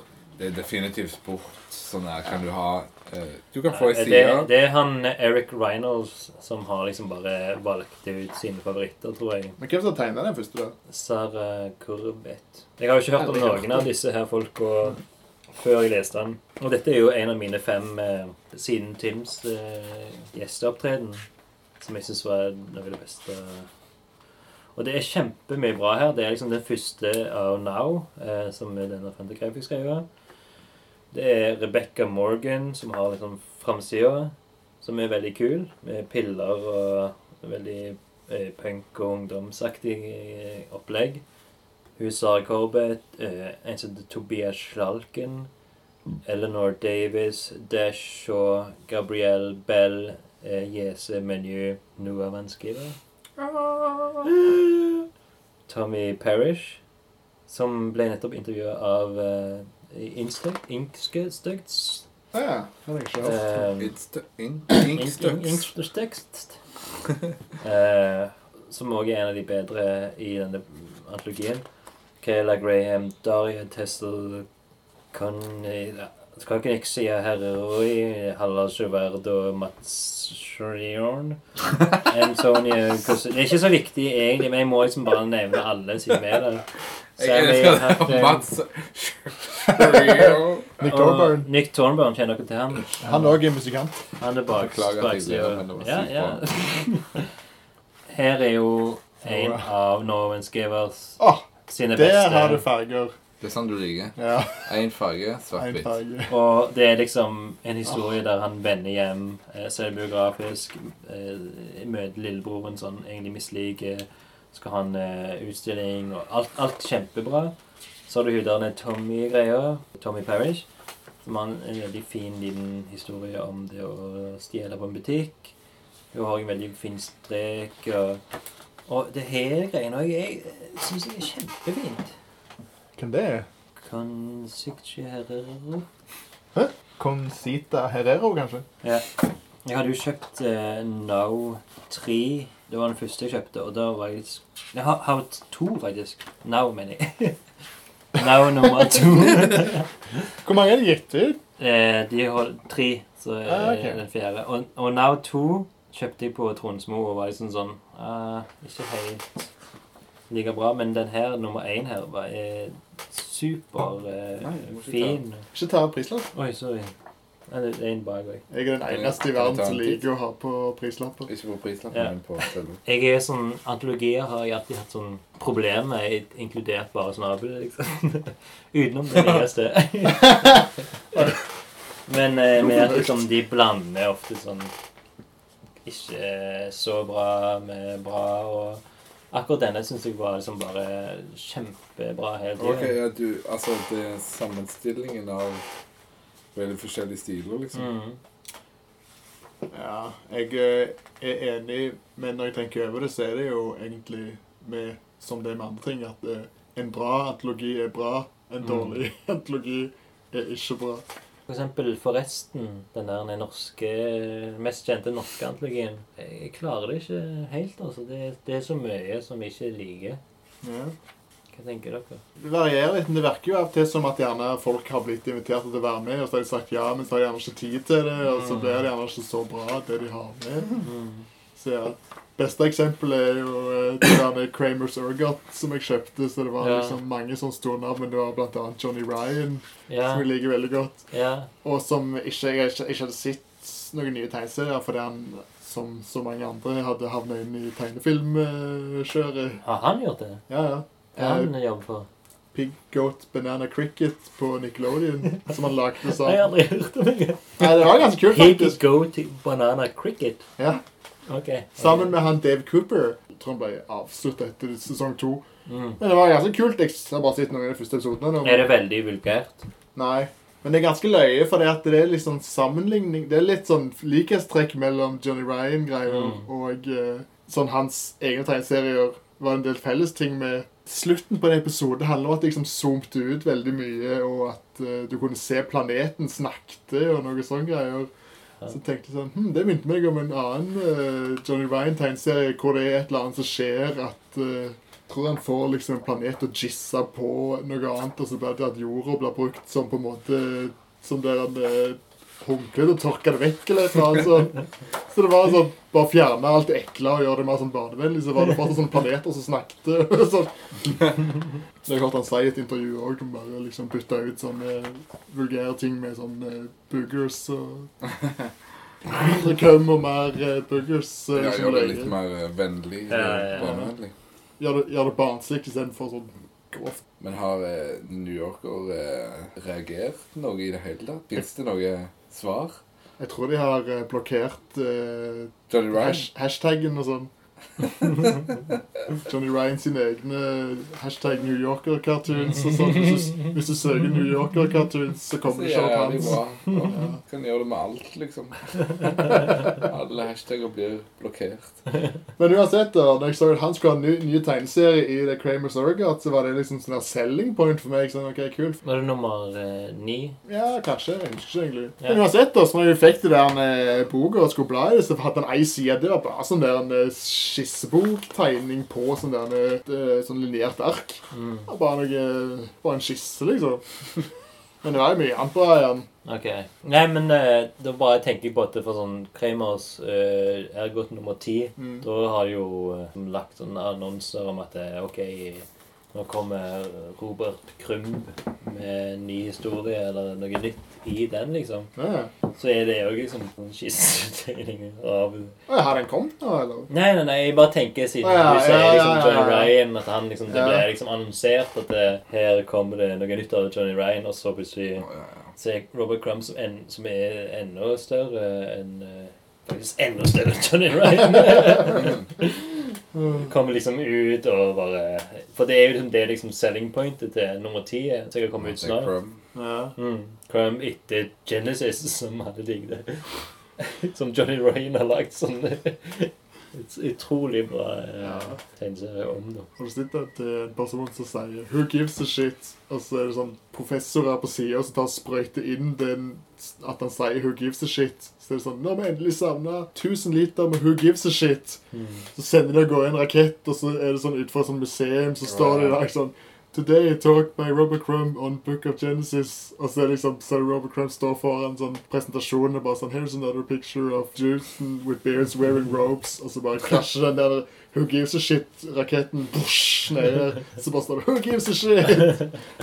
Men òg eh, den eh, Joe Matt eh, historien som er i den der eh, Drawn and Quarterly-boka som jeg har her. Den òg er sånn at han står og rister med Genesis-boka til Bubba Crumb og skal liksom selge den for at det, han trenger den ikke i collectionen sin. og han liksom er de største Crumb-fans, liksom. Ja, jeg kan egentlig si meg enig i det. Det er ikke, det er ikke så veldig interessant. Jeg leste den ikke ferdig. Nei, jeg hadde heller ikke lest den ferdig. Lunken. Lunken Comic Night. Den siste jeg har med meg, er eh, American Blood av eh, Benjamin Mara. Ben Mara. Ja. Aldri hørt om. Utenfor ser det ut som noe han Hernandez vi kunne lagd. Ja, det kan du si. Så ikke lovende for deg, altså. Nei, det, det er liksom ikke selgende cover. Og jeg eh, skjønner hva du mener. Når jeg, jeg begynte først å følge han på eh, Instagram, men tegningene hans er veldig sånn 80-tallsstil. Ja, OK. Nå kikker jeg inni, og du ser jo mye bedre Litt risoaktig, faktisk. jo. Ja. Oi, du går Kjenner du til Kjenner til han fra Tim, og ja, og Instagram etter hvert. Ja, kult. det. Humoraktig Men dårlig på forsider, da. Ja, men det tingen, Jeg tror han, eh, tar, han kanskje gjør dårlig førsteinntrykk, fordi at det ser så veldig sånn eh, Det ser jo sånn stivt 80-talls eh, illustrert ut, i mangel på et eh, bedre måte å forklare det på. Men denne her samler liksom mange alle sånne minicomics han har gitt ut på sitt eget forlag, Traditional Comics, men nå har Fantagraphics gitt ut en samling med Graphics, ja. Ja, ja. Interessert. Mhm. Så eh, dette er en samling og eh, med sånn forskjellige historier. Han er så veldig sånn spesielle greier at han har liksom valgt en veldig sånn At stilen er, ser litt sånn stiv og rar ut. Når du ser på eldre ting, så er det liksom, ser det på en måte bedre tegnet ut, men han er blitt veldig sånn stilisert. For han er veldig inspirert av sånn eh, B-filmer fra 80-tallet og den type tegneserier og sånn på en måte mindre raffinerte greier. Mm. Og så har han denne her da masse forskjellige ja, som er samla. Så du har den første som er Gangster Rap Posse, som er noe Ja, sånn, sånn eh, NWA-aktig uh, ja, rappgruppe, liksom. Og det er grælig løye, for det, det er liksom action, men det er òg humor. Så det handler liksom om at det, det starter med at de hører at en annen rapper i LA disser de på uh, den nye sangen deres, og så må de liksom reise til studioet hans, nei, hvor han sitter med masse damer, sånn, så må, må de drepe hele gjengen der. Og så reiser de videre til innspillingsstudioet for å spille inn litt av en ny sang og snakke med produseren og sånn, og så går de videre til å spille en konsert. Men det er alltid sånn at de må skyte mye, så det er veldig sånn der eh, overdrevent og eh, er bare sykt løye. Ja, men kult, da. Så havner de i trøbbel med politiet, og så kommer det masse tankser og sånne greier inn. Men det er liksom så jævlig bra. eh. Det er ikke så veldig realistisk, for å si det sånn. Men det er ikke sånn når NWA hadde en annen Fuck the Police i fengselet. Da kom det Har du sett Straight Out of Compton-filmen? Det høres jo litt ut som det, da. Ja. Realisme. Satt inn i et tegneserieperspektiv. Ok. Ja, men ja. Neste i denne boka heter Lincoln Washington, som basically er sånn Django Unchained-aktig. På en måte slave som er blitt fri, som nå tar hevn. Ja, Det er bare masse sånne kule forskjellige Men det er solgt. ja. Jeg, jeg er fornøyd. Men den jeg ga ut før det, som er en favoritt, som jeg bare tok med så du kunne se den, er ja, Terror Assaulter One Man Dette War er før 2017. eh, Ja, den er gammel. Og den, det, det der er jo sånn som ble samla sammen. Så de lagd før, men den ble gitt ut kanskje litt før meg i 2017, men ikke så mye. Hva skal en si om i I regel Det er blitt så seint, altså. Det får gå. okay. Men uansett, det er så grælig løye. Det at det er så grælig stivt og eh, ikke direkte, det er så vanskelig å beskrive det, men det gjør det liksom veldig morsomt. Ja, ja, men kult. Og dialogen er så sykt som den. Denne tegneserien handler basically om at det er en mann som, som, eh, skal, som er mot eh, alle terrorister. Og så her når han har tatt en sånn der en bad guy, så kommer de, så åpner døra seg. Hey, what's going on here? Disse vaktene. Never mind, die. og så er det bare at de sier alt som skjer. Når når spenner gunnerne ut av hendene, sier han sånn Ah, you kicked our hands. Ah, krak, krak. Dette er det. Ja, og så går han ned under gata, og så er det bare businessmenn som kommer opp. So, when we talk to the chief on the phone today, let's talk about profits. Ok, the call is scheduled at four. Sure. Pua, pua, pua. Ja, han bare tar de, og så kommer det inn sånn mer terrorister, og så bare Ja, samme det. Det er ikke så bra radio, men eh, anbefales. Ja, bra. Jeg har jo to til. Dessverre, jeg, jeg gikk for fem. Og Palookaville 23 av Seth. Keep the heat away. Den er helt ny. Den kom ut i lurer på om det var i september. Jeg, jeg har alltid likt Seth liksom fra, fra begynnelsen, når jeg begynte liksom å gå virkelig inn i tegneserier. Men eh, jeg har alltid fått sånn, halv, sånn halvlunken tilbakemelding fra deg. Ja, jeg tror kanskje det var fordi at eh, jeg leste den der eh, Jeg leste når han var med i uh, Joe Matt sin ting, selvfølgelig. Mm. Og uh, at likte han godt da. Og så leste vi den It's a True Life. Nei. It's a Good Life If You Don't Weaken. Yeah. Ja, og likte den godt. Mm. Og så var jeg på uh, det der han, Oslo Comics Expo med han, og så var det liksom Ah. Chris Rear var veldig sånn på at den der Jimmy Corrigan-boka var sånn basert på han sjøl og hans familie. Og, eller hans egen far som, som på en måte forlatt, forlot han og sånn greier, at han ikke hadde en far og sånn greier. Men så sa han sjøl bare sånn at ja, jeg bare sitter og finner opp ting. Mm. Og så jeg da kjøpte en bok og skulle lese den etterpå, så merka jeg jeg fikk sånn der eh, Du leser den etterpå? jeg hadde lest den Ja. It's a Good Life, Ja. men så når jeg skulle lese den der uh, George Sprott-boka, så Mm. tenkte jeg bare så, Sånn rar sånn der en avsmak. I hvert fall jeg har truffet og snakket med personen Mm. sjøl. Så det var sånn, han har bare stått og funnet på dette her, liksom. Og så begynte jeg å lese, og så traff den meg ikke helt. Men jeg liker det jo godt. Men jeg har liksom ikke lest noe annet ferdig, egentlig. Er ikke det en slags sånn forsvarsmekanisme, da? Altså, hvordan finne på alt i sammen? Jeg føler ingen tar noe fra ingenting. Nei, nei, nei, selvfølgelig. Og så Nei. dette forhold til mor, og som alltid går igjen, og Mm. eh, savner mor si, skulle ønske han hadde eh, liksom eh, Det er dumt at de stopper og kysser god natt, bla, bla. Det er ikke sånn det ding, plukker ut av løse lufta, liksom. Nei. Nei. Jeg tror du bare kan bare avskrive det som sånn her flauhet eh, i øyeblikket at han sa det. Jeg, jeg vet ikke. Men det høres litt sånn mistenkelig ut, liksom. Men eh, altså, i denne her på Lookaville 23, da, som er kanskje Jeg tror det er den eh, tredje eller fjerde gangen han faktisk har sin selvbiografiske fortelling som heter 'Nothing Last'. Å ja. Der han går gjennom eh, sin barndom og har jo sagt at han skal gå fram til han er om det er 30 liksom, foreløpig. I, I den her da, så er det veldig mye om de forskjellige forelskelsene han har, og liksom de forskjellige plassene han har bodd for han har bytta lokasjon og mye sånn. Og det syns jeg er kjempefint, men han er jo òg veldig sånn poetisk med liksom ta de der forskjellige trærne og liksom tegne. Og han har den her eh, sketsjbok-stilen som han har liksom bare fortsatt med fra Om det var fra en av de der eh, Canadian comics-greiene. men, men eh, altså det, det er derfor syns jeg at denne er kjempefin. For at eh, han drar fra minner, og, og liksom Han er ikke sånn så, sånn som for eksempel meg, at jeg, jeg må finne referansebilder av plasser eh, for å tegne dem. Mm. Han drar alt fra minner og liksom fortsetter og liksom skal liksom lage hele sin barndom, da. Som er liksom planen i Palookaville eh, nå for tida. Ettersom denne eh, eh, Clyde, Fra Clyde Fans, som man Mm. avslutter i den her eh, nummer 23. å uh, ah, ja, da, nå er han ferdig, liksom. Jeg husker det var snakk om det. ja, det tok 20 år. Ja. Og her avslutter han Som er liksom altså Den er jo mer raffinert, den stilen som er på den der eh, Clyde Fra France-greiene. Clyde Fans, mener jeg.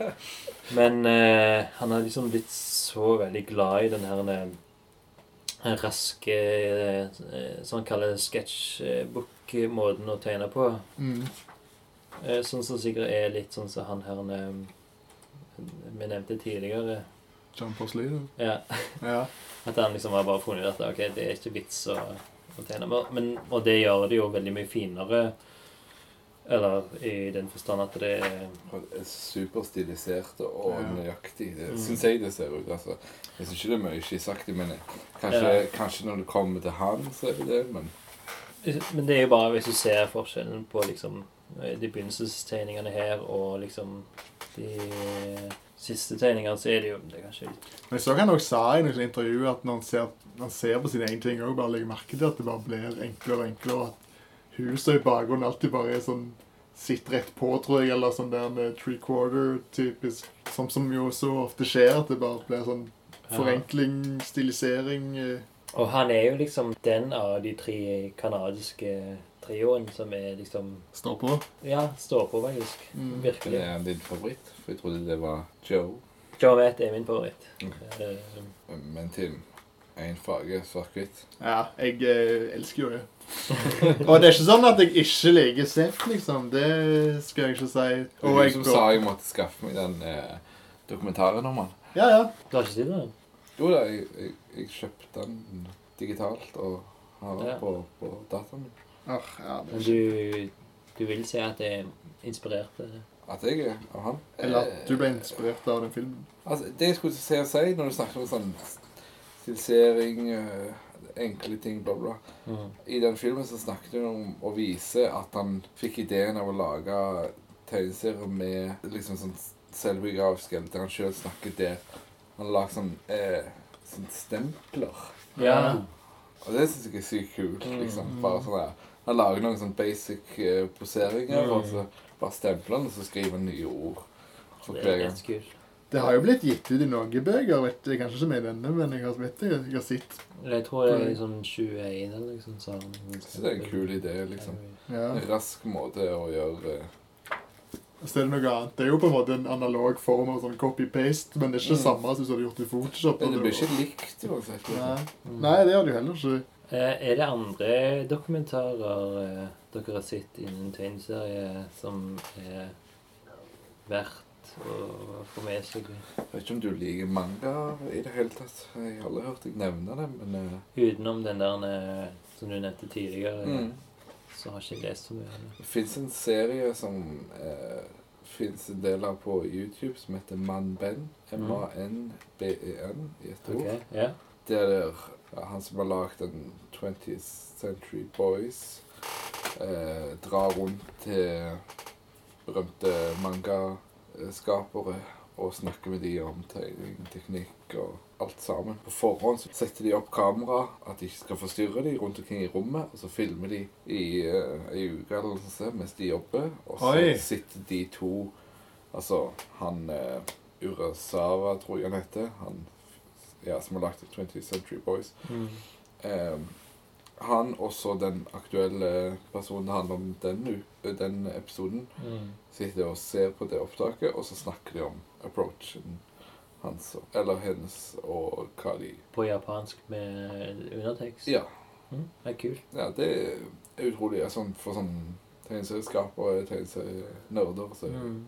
utrolig kult å se bare Det er en sånn fyr som heter James Harron, har jeg sett han, Nei. som er en sånn contemporary som jobber for sånn image og sånn, tror jeg, som òg eh, Hvis du ser hans eh, prosess når han lager ting som Han har lagd den der Rumble, så jeg lest den, men det òg er sånn greielig kult, for det er liksom blekk og sånn, men så er det òg mye sånn der han, eh, At han liksom har sånn der han eh, raster, sånn prikker liksom, som man legger over sånn plastikk og skraper det til. og så er det Den greia operasjonen, liksom. Når det er ferdig, så er det dritkult. Så det er sånn så du kanskje gjorde mer før i tida, men som eh, noen fortsatt gjør. Som, ja, jeg føler det er enda mer sånn på en måte Wow! liksom, Nå er de skikkelig flinke når du bruker mye sånn Mm. som egentlig gjerne er litt sånn utdatert på en måte nå, som for mange gjøre digitalt, men når du gjør det ekte, så er det jo kulere. Ja, ja. En greielig bra sånn der en eh, Tove Jansson-dokumentar. Så, Er det sant? Ja. Ja, BBC. Ja, som jo er tegneserier, men òg andre Eller illustrasjon, tegneserier, kunst, bla, bla. Historiefortelling. Ja. Som er liksom hennes liv, og hvordan det knyttes opp til Mummidalen, men òg andre ting. Og det, Heter det? Er det en serie, eller? nei, det er en film Mm. som varer sånn en time, tror jeg. Eller tre kvarter, eller halvannen time, eller et eller annet. Mm. Er Men, den ny? Nei, men det som er litt rart, er at han var på YouTube, og så ble han fjerna, og så var han tilbake igjen, og så nå er han fjerna igjen, tror jeg, men nå har jeg ikke søkt han opp på en stund. Men den er dødsbra. Det er BBC, sa du? Ja, Du søker Tove Jansson, BBC, kanskje? eller? ja. Eller jeg bare okay. søkte Tove Jansson en gang, så var det bare Wow, det er en dokumentar, liksom. Ok, kult. Men det er sånn BBC-folka vil ikke han skal ligge ute, tydeligvis. Så Nei, nei. kan du se om han ligger der, men den er Jeg digger, jeg digger hun i hvert fall. Ja, jo, jo. Det tror jeg alle som noen gang har likt å tegne Ja, hvis du ikke gjør det, da har du ikke sett noe. Hennes work. ah, Jeg har eh, tatt Hostage. en eh, Ja. Du spoiler det. Men eh, Sorry. ta opp en siste eh, anbefaling, eller eh, ting som jeg har lest av tegneserier eh, det siste året. Fra mai 2017 til i dag, 2018. Guy Deliso Deliso? Delil. Delil. Delil, ja, ja, Ja. takk. Hostage. Har dere lest den? Nei. Du har lest den? Oh. Og den ser jævlig tjukk ut, men altså Jeg gikk gjennom den så fort. Oh. Og dette her er liksom i motsetning til Hanselmann, så er dette her er spenning, liksom. Det er liksom mm. Du lurer hele tida på hva som skjer, men alt foregår på en måte i et rom hele tida, og det er jo eh, eh, han Guy Gi. som liksom beskriver om Christopher Andres eh, tid som en eh, fange. Jeg husker ikke hvor det er. Jeg kan ikke lese det heller. Men iallfall, det er liksom at han blir som fanga, eh, den her eh, karakteren, som vi kaller han. Mm. Og det er jo en biografi. si sånn Darfur, eller? Jeg føler eh, Rasmus kan liksom forklare det litt bedre enn meg. Men det, den, eh, den boka der var Altså, jeg eh, ble inspirert av den, og som bare forsto Eller sånn tegneseriemedie på en annen måte, med å liksom bare Kaukasus. Hva det betyr. En plass. Og Har du lest noe annet av han? Jeg har lest den her når jeg drar til Nord-Korea. Mm. Det jeg har hørt om den boka. Og... Ja, for her sitter han sjøl. Mm. Jeg... han uh, tegner seg selv ganske kult, liksom. Den, Ja. Uh, Han er iallfall så- stiliserte tegninger. Ja, Ja. Veldig effektive. Ja. Og han er jo òg tidligere animatør. Når han er den boka som handler om han er inne i, i Nord-Korea, så er det at han blir liksom hyra inn som animatør i et eller annet firma på, i Nord-Korea. Ja. Der er jeg liksom litt irritert for på de andre animatørene. hvordan de Ja, det er for eksempel sånne franske gester som de ikke forstår i det hele tatt. Ja. Liksom. Sånn der Oh la la, liksom. Riste på håndleddet og ja, alle sånne ting. Så det, så, ja, det er mye løye. Men eh, han har også lagd en som heter Jerusalem, som handler om ja, Jerusalem og Midtøsten, som er Ja. fantastisk bra. Så Mm. ja, egentlig alle burde lese. Jeg har ikke lært så mye om den konflikten Mm. Før eller siden jeg leste den boka. Sykt bra. Han han er Ja. fantastisk flink. Ja, jeg òg. Men han, også, han er litt sånn så han eh, Riyad-karen. Mm. At det liksom forklares på en sånn morsom måte, disse her. Mm. Han har masse humor, selv om det er mye alvorlig. Ja. handler om. Liksom. Men eh, eh, jeg har ennå ikke lest noe av Joe Sacco. Har dere det? Nei, jeg har ikke det. Jeg tror Tim har lest litt. Ja, jeg har lest den der med The Fixer, som vel er når han er i Kosovo. Mm. Liksom krigen der. Altså, jeg har også lest en, en som kom eh, en, som en som var sånn samling av forskjellige ting. Mm. For han begynte jo Sånn 80-90-tallet så var han jo på, bodde i Berlin vel og lagde sånn konsertplakater og sånne greier. Så da var han mer sånn selvbiografisk og mer sånn det livet der. Men det er sånn bok som har samla ting, og da kan du egentlig se i den boka at eh, at han på en måte går mot å bli mer sånn journalist eh, Ok. serietegner. Ja. Så det er ganske løye. Sånn en tegneserie i den samlingen du skulle sette noe sånn newsjunkie eller noe som handler om at han bare ser på nyhetene hele tida og følger med, liksom. Og at han blir mer sånn opptatt av det. Mm. Uh, går fra å være sånn uh, At det skriver om seg sjøl og dagen hans og bla, bla, til å bli mer sånn Handle om sånn politiske ting som skjer og sånn. Uh, så det er veldig kul, i hvert fall hvis du ser hans utvikling. Så jeg leste den der The Fixer, ja, som handler om uh, at han er krigen i Kos- Kosovo. Og da at han har en sånn fyr som han uh, Som liksom er The Fixer, så han forteller han masse sånne historier og sånn som han så handler liksom om at når han treffer han fyren, og når han er der, men òg når han snakker med han fyren, så er det veldig spennende, egentlig, og veldig bra bok, og så litt sånn spoiler kanskje, men på slutten så får han vite at han fyren liksom, han snakker mye bullshit, liksom, så blir det sånn der, oh shit, hvem okay, ja. skal jeg tro på egentlig, og sånn greier. Så den boka er veldig bra. Så lånte jeg ei av de som kom senere, og det var den der i Gaza eller Jerusalem, eller en de bøkene, men da var det sånn der, jeg begynte å lese. Palestina. Ja. Ja, Det, jeg tror bare det er den som jeg har sett overalt. Men ja. ja, ok, det var i hvert fall ei av de. Mm. Da, den var sånn, jeg leste liksom, og så kom sånn to-tre sider hvor det var kun tekst.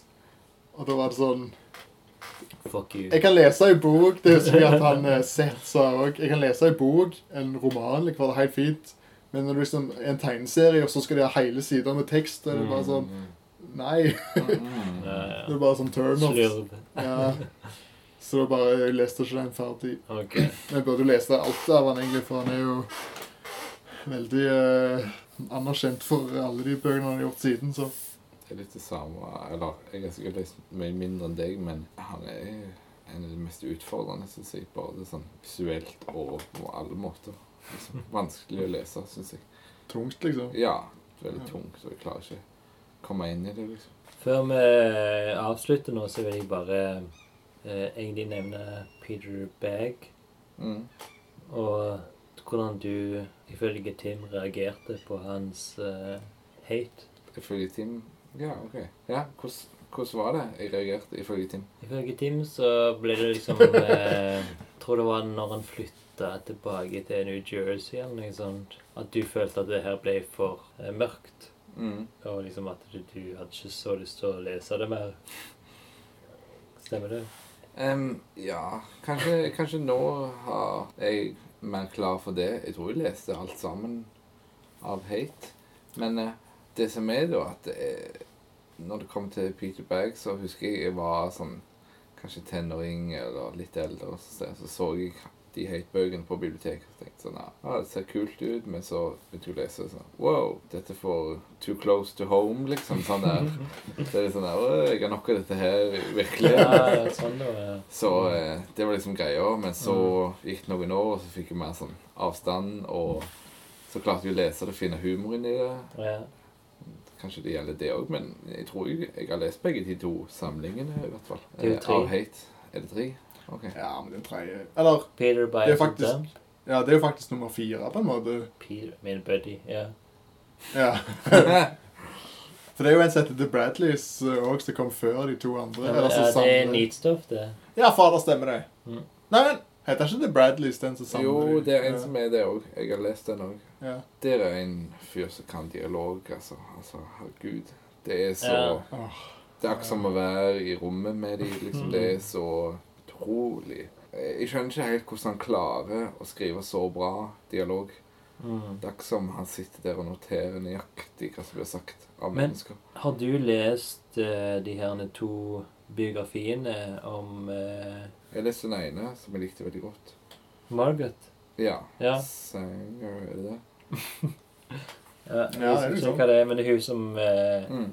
starta med sånn prevensjonsgreiene. Mm. Eh, og den andre er ja, en annen eh, sånn kvinnelig frontfigur. Eh, Mm. jeg, altså, jeg har bare hørt eller lest eller hvor, hvor jeg har fått det fra meg at det, liksom, at det er sånn Og du bruker fremdeles de der lealøse lemmene Mm. og, og, og forteller liksom de alvorlige historiene. Så det er eh, morsomt. At uh, tegnstilen er sånn komiske, men at det er Mm. alvorlige tema, liksom. Ja. Ja. ja, det er jo eh, interessant, liksom, men uh, om det skal være greit eller ikke Det er jo hans stil, så Ja. det, er jo, det er jo lov. Jeg syns det er absolutt greit. Og jeg syns det får en ny dimensjon òg, på en måte. For hvis du bare skal tegne alt Det blir litt kjedelig. og liksom Alt er sånn Å, det er dystert eller alvorlig tema, og så Mm. tegner du Ja, jeg vet ikke. Kanskje det òg med Joe Sacco. Det er litt sånn her Det er litt sånn dystre tema han er inne på, Ja. og så er tegnestilen ikke noe sånn her ultraappellerende å se på heller. Så det blir sånn her Det er så metta. mm. Det blir sånn Åh, det er for mye, på en måte. Det savner litt sånn der livlig og lekenhet og kontraster, det, det, kanskje. det tok jo faktisk lang tid før jeg liksom klarte å gå inn i Peter Bagg sine tegninger. På grunn av det var liksom for mye, liksom. Mm. For mye Men Han er jo veldig sånn ja, Crumb-inspirert fra tidligere. Og den The, S- nei, ja, The Seattle-boka. Det er veldig mye sånn der crosshatching og veldig sånn mørkt. mm. Så er det jo òg løye å se, som jeg sikkert har sagt før, men at etter hvert som historien går lenger, og når du går over til neste bok, og så blir historien mørkere, men tegnestilen blir enklere og lysere, for det er ikke så mye sånn skygger og sånn hele tida. Så Ja, og så kommer fargene i Hate. i hvert fall. ja, jeg har bare lest svart-hvitt-bøkene på de Å ja. De er nyere. Men eh, altså, det er jo altså, et stort kapittel i den der eh, We Told You So-boka. Comics, bla, bla, bla. om Er det den? Nei, det er Fantagraphics-boka. Ja, okay. Ja, det er Drone Den Court. ligger Ja. Fantagraphics-boka er- den ligger hjemme i, i siden av senga.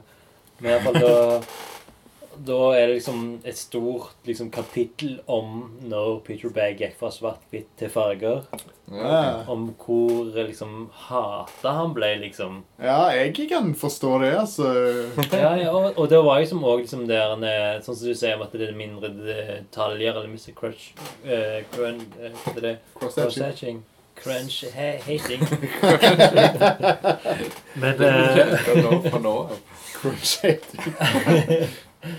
Men eh, Og det, det er jo liksom paradokset er jo liksom at han kaller det hate. Og liksom folk begynner å hate virkelig på hans eh, nye stil da, med bare å fargelegge. Som jeg for, på en måte òg forstår. Men det som var så løye, er at liksom, eh, de trofaste fanene hater det.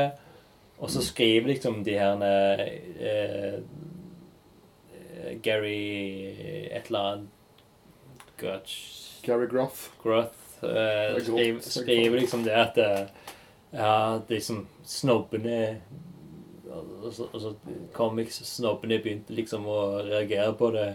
Og Drawn and Quarterly, de var virkelig de store haterne på dette, liksom. Som liksom har Er nå liksom de offisielle utgiverne av uh, Peter Bagg sine andre historier. Som er i farger, vil jeg merke. Ja, ja. uh, jeg leste jo uh, Jeg har den her, den andre Peter Baggs Other Stuff. Den leste jeg nå for noen måneder siden. der han samarbeider med han her Adrian Tomin. Adrian? Ja, Tomine. Tomine. Eh, ta han ut. Og det er Han der jenta, Tomine. Det er faktisk en av mine favoritthistorier av både Peter Bagg og eh, Adrian Tumin. Det er liksom, det handler om en blekksprut som er selvbiografisk. og Er på en sånn eh, comics Hvor alle disse her eh, klisjeene innen selvbiografisk tegneserie er der de liksom til og med tatt inn Seth og Jeg tror det skal Ah, ja. være eh, Joe Matt Mm. og eh, Chester Brown. Og her òg liksom, skal liksom representere American Splendor-karen. Harvey Beaker. Harvey Beaker, liksom. Og, han, eh, og, og når jeg leste den, så var det sånn at det her er det er 1997. Det her er liksom Det her tar alle på eh, gjennom en kam, inkludert meg sjøl, liksom. Det er liksom Mm. Autobiographical cartoonist. Så. Kult. Du vil dra. Eh, klokka er faen meg tolv. Eh, Hekken. Ja, shit. Men snakk lenge.